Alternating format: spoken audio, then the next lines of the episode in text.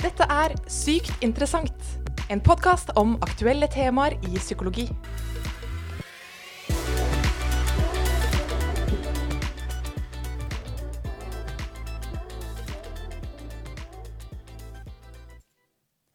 Se for deg noen skiver med sveitsisk ost. Ja, du vet den osten med hull i. Dersom du legger disse skivene oppå hverandre, så vil du se at hullene etter hvert tettes av en annen skive.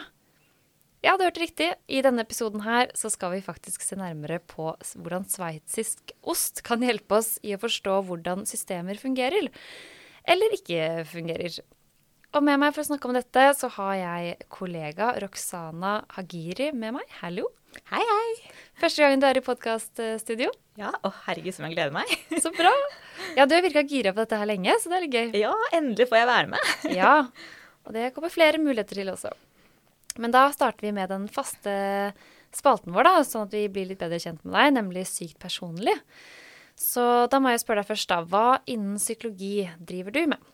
Jeg er da høyskolelektor i psykologi her på ONH, og er i tillegg veileder og nettlærer for en del studenter, da. Ja, for ganske mange, har jeg skjønt. Ja, det har jo blitt i hvert fall 80 nettstudenter. Og så har jeg jo også noen stedlige studenter, så Ja. begynner å bli et par. ja. Og veiledning, da Ja, veileder du innenfor fag og skriving og alt som hører til? Ja. Ja.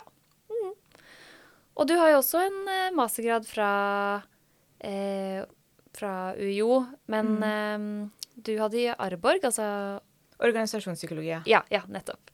Og en bachelor i her, Ja, herfra. jeg har jo en bachelor fra eh, ONH i anvendt psykologi. Ja, samme som meg. Mhm.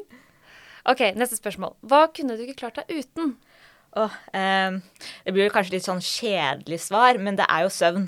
Ja. Jeg blir skikkelig muggen hvis ikke jeg har fått nok søvn. Så Har du sovet nok i natt, da? heldigvis, ja. OK, siste spørsmål, som eh, da omhandler dagens eh, tema.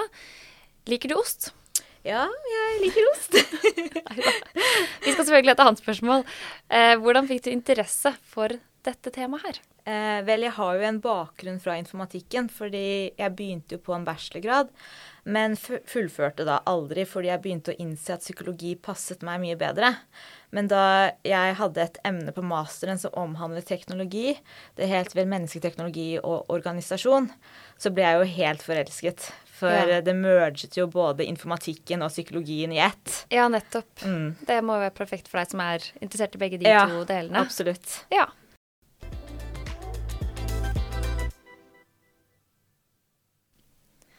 OK, eh, Roxana. Jeg startet jo innledningsvis med å snakke om ost. eh, Og det er fordi vi skal snakke om den sveitsiske ostemodellen. Hva, hva mener vi med det?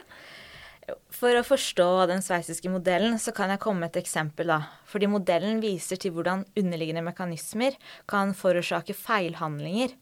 Og da kan jeg jo trekke inn Åstad-ulykken fra 2000, som da omhandler en svær jernbaneulykke. Ulykken handler om to tog som kolliderte, hvor det resulterte i at hele 19 mennesker mistet livet sitt, inkludert togføreren. Det der eh, husker jeg eh, Eller jeg har hørt om det før, den ulykken. Ja, Mhm. det var veldig mye i media på den tiden. Ja. Eh, ved første øyekast så kan det være veldig lett å fremheve at det var en person som sto bak hele ulykken, som da var togføreren. Men når man liksom gransker ulykken og ser litt mer fra utsiden av, så ser man da at det var mange prosedyrer som da har vist seg å ha vært latente faktorer bak ulykken. Ja, så det er ikke nødvendigvis togføreren som eh, var på en måte grunn i ulykken, men det kan ha vært flere andre faktorer, da. Ja, Ja. Det var liksom ikke en menneskelig feilhandling som sto bak årsaken, men et resultat av at på en måte mange systematiske feil bidro til da at det oppsto en sånn svær ulykke. Eh, feilhandlingen hos togføreren i tråd med organisasjonen bidro til den uheldige kollisjonen, og ikke togføreren alene. I ettertid har det kommet frem at det ikke var installert noen auditoriske varslingssystemer hos togsentralen, og den eneste måten de kunne få med seg hendelsen, var via én skjerm. Eh, Dermed var det ikke lagt opp eh, systemer som trakk tydelig frem faretruende informasjoner på en måte som vekket oppmerksomheten til toglederen. Det var heller ikke installert noen automatiske togstopp for lokomotiver som kjørte på rødt lys. Ja, nettopp. Så ved første øyekast kan det jo virke som en menneskelig feil, men komiteen som gransket hendelsen da, i etterkant, konkluderte med at det var flere alvorlige systemfeil. Så nå er jeg jo spent på hva har dette her å gjøre med den sveitsiske osten, da? Så hvis vi trekker blikket utover fra individet, kan vi plutselig se den ene menneskelige feilhandlingen som et resultat av mange underliggende hull i systemet. Og det er dette vi kan kalle for latente feil. Disse mm. latente feilene er som hull i de ulike lagene innad i systemet, som ofte omtales som den Swiss cheese model of system accidents. OK.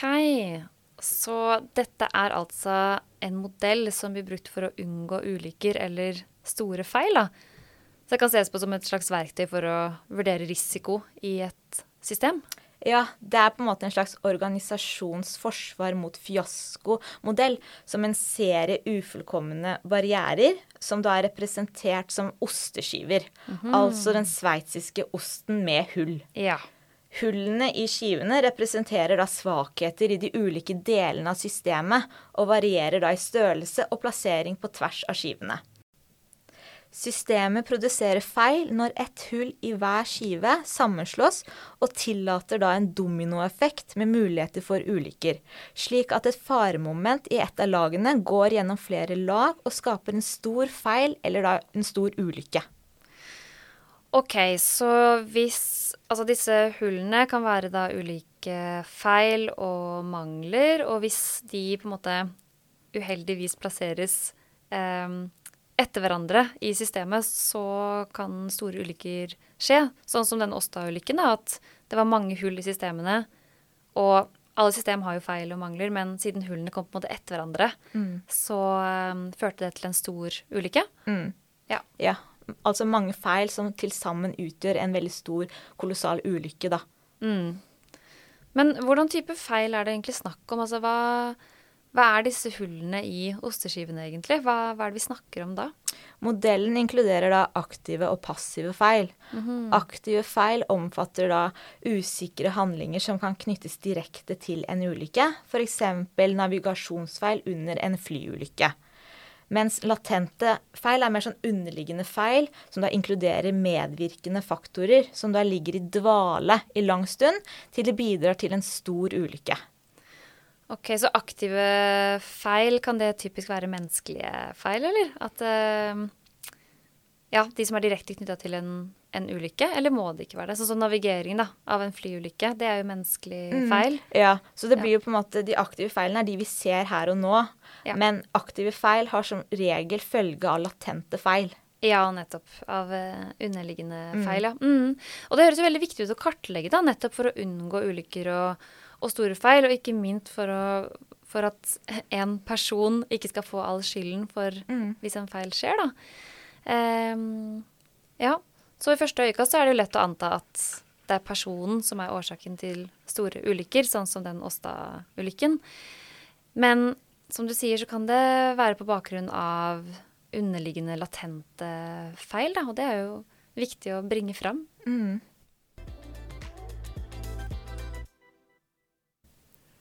Så har du noen flere konkrete eksempler på situasjoner eller hendelser som har skjedd, hvor vi kan se at det har vært noen aktive og latente feil? Eh, et konkret eksempel er flyulykken som involverte Boeing 737 Max 8, som var eh, involvert i to flyulykker i perioden oktober 2018 og mars 2019. Og det handlet om at automatiseringen sviktet inne på flyet. Flyet ville automatisk trekke seg nedover, og piloten hadde et handlingsvindu på kun 30 sekunder for å navigere flyet opp igjen, altså overstyre automatiseringen. Eh, dette var altså noe piloten da ikke var i stand til å gjøre, for det var under svært stor belastning, altså stress og mental belastning. Noe som satte piloten i en svært uheldig situasjon, hvor det praktisk talt er umulig å agere for å overstyre automatiseringen. Dette førte da til en stor ulykke hvor totalt 320 mennesker døde. Ja, Ja, det er jo et veldig brutalt eksempel på et uh, svikt i systemet. Så noe sviktet som gjorde at piloten ble egentlig sittende igjen med ansvaret, men det er jo ikke den personen som mm.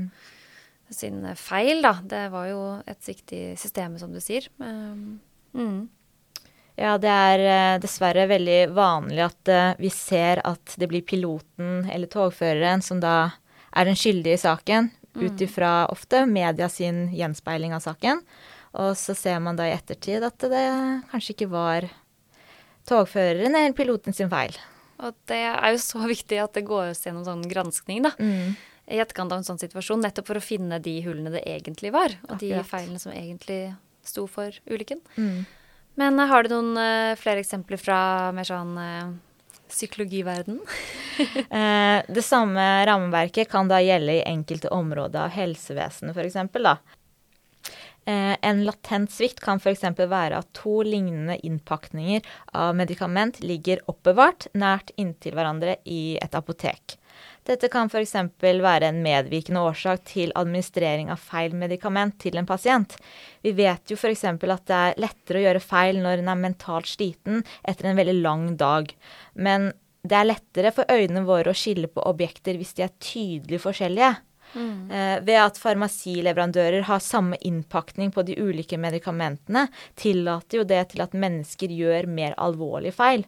Og dermed kan man da tenke seg at medisinske feil kan være et resultat av et systemfeil, og ikke et individfeil. Ja, og da er det jo absolutt ikke latskap eller sløvhet som er årsaken til feilen. For vi er jo si, bare mennesker som blir påvirket av stress og følelser og ulike stimuli rundt oss som lys og lyder. Og det er kanskje det som er psykologien da, i denne modellen her. Nettopp å se på hvordan system bør ta høyde for menneskelige hva skal jeg si, trekk eller feil, sånn som måten vi typisk tenker på. Eh, ja, det er interessant med tanke på våre kognitive evner i forhold til oppmerksomhet og mental belastning under stressende situasjoner. Eh, når vi mennesker er under stor mental belastning eller stress, så vil oppmerksomheten vår bli veldig selektiv. Å ha en god situasjonsforståelse er da essensielt for å kunne handle forsvarlig. Ja, så modellen må ta inn på en måte kunnskap fra bedømning og beslutningspsykologi og generelt hvordan vi mennesker egentlig typisk fungerer da, for å bli mer robust. Og du sier en god situasjonsforståelse er en av de tingene som modellen bør innebære. Hva, hva er det? Eh, ja, både tilretteleggelse av situasjonsforståelse og våre kognitive evner er viktige forutsetninger for å kunne handle forsvarlig. Mm. Vår kognisjon er rett og slett prosessene som ligger til grunn for vår oppfattelse, tenkning og tilegnelse av kunnskap.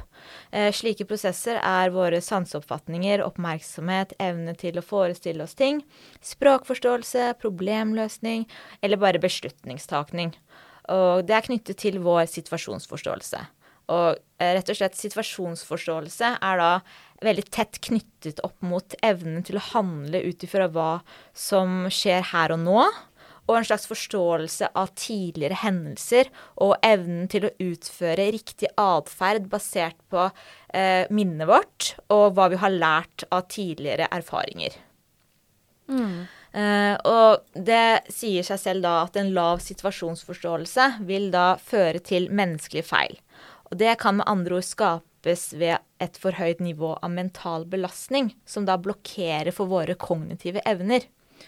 Har en et optimalt arbeidsbelastning, så vil en kunne ta gunstige beslutninger i møte med ulike situasjoner da, som da krever en viss nivå av kognitiv kapasitet. F.eks. å styre et fly uten å styrte under dårlige værforhold. Ja, så dette er en del av det modellen må, denne ostemodellen må se på, da, for å som et av de lagene, eller kanskje mange av lagene. At uh, ta inn på en måte menneskelige forhold um, for å bli mer robust. Ja, og erfaring vil da kunne være en faktor som da monitorerer nivået av beslutningstakning hos operatøren.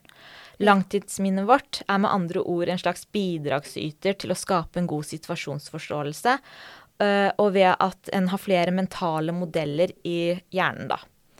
Likevel kan selv en erfaren operatør hente frem feil mentale modeller for en gitt situasjon hvis det er for mye mental belastning. Og det er derfor det er så innmari viktig å skape systemer som tilrettelegger for slike situasjoner. F.eks.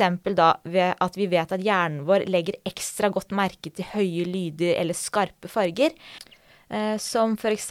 nødalarmer eller sterke blinkende lys eller blålys. F.eks. det er jo ikke tilfeldig at politibilen, brannbilen eller ambulansen ser ut som den gjør, eller at sirenelyden lager den lyden den gjør. Mm, ja, nettopp. Det er jo basert på kunnskap om psykologi og hvordan vår oppmerksomhet faktisk eh, fungerer. Mm. Så hva kan vi lære da av dette her, denne kunnskapen om ostemodellen? Hvordan, hvordan bruke det i praksis? Eh, de på et øvre nivå av systemet, som ledelsen, designere og tilføyerne av organisasjonen, har en påvirkende rolle i situasjonen da, som skaper farlige hendelser. Eh, dermed kan det argumenteres for å kunne forstå skillen til hendelser, som når en pilot eller sykepleier eller lege tar feilbeslutninger, bør i større grad ses på et systemnivå. Systemet i sin helhet vil kunne forme atferden til praktikeren og operatørene. Eh, F.eks. tilstedeværelsen av et hull i et lag vil ikke nødvendigvis skape en farlig situasjon, men en farlig situasjon kan oppstå når hullene i mange lag i et øyeblikkelig stemmer overens, og det bidrar til at f.eks. store ulykker inntreffer. Én aktiv feilhandling hos en operatør kan da med de mange latente feilene skape svære ulykker, da, og det kan skape død. Mm. Ja, så det er rett og slett eh, viktig å ha med seg når man uh, lager eh, systemer. Og det kan jo være mange forskjellige systemer, da. Altså det her mm. er jo uh, men, men, det er hovedsakelig for systemer som innebærer både teknologi og menneske, da, egentlig. Ja. ja. Og det er jo ganske mange system, så ja. dette er en modell som uh, organisasjonspsykologien bør, mm. bør, ta inn. Absolutt. Mm. Ok, Er det noe mer eh, rundt uh, denne modellen her som du har lyst til å uh, ta opp eller si noe om? Noen siste ord før vi runder opp? Jeg føler jo at vi har dekka ganske mye, da.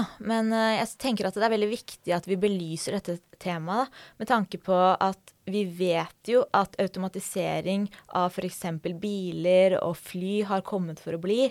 Så da er det veldig viktig at vi også forstår det kognitive rundt dette her, da. Mm og hvordan vi skal på en måte optimalisere for en trygg eh, hverdag med automatiske biler. Da. Og spesielt dette her med å ikke legge skylden på f.eks. togføreren eller piloten når noe slikt inntreffer, men å på en måte se hvor det faktisk sviktet. Ja, absolutt. Og det blir jo bare mer og mer relevant da, i det samfunnet mm. vi lever i nå. At teknologien har jo kommet for å bli, og kommer det sikkert til å bli på flere områder også. Mm. Um, så det å ha den kunnskapen tenker jeg også er viktig og nødvendig. Og det hadde jo egentlig vært litt spennende å snakke om det etiske rundt det også, da. Ja, sånn, absolutt. Eh, men det kan vi jo eventuelt spare til en annen podkast. Mm. Eh, fordi disse systemene må jo også designes eh, i på en måte situasjoner hvor de kan stå overfor vanskelige valg, da. Ja, absolutt. som har med etikk å gjøre. Men OK, vi har sett på den sveitsiske ostemodellen, som altså brukes for å vurdere risiko ved forskjellige systemer. Osteskivene med hull de representerer da ulike feil og mangler et system kan ha. Og dersom et hull på en måte går igjennom alle skivene, så kan det føre til en stor feil eller ulykke. Mm. Så å bruke denne modellen her, det kan jo ja, forhindre at det skjer.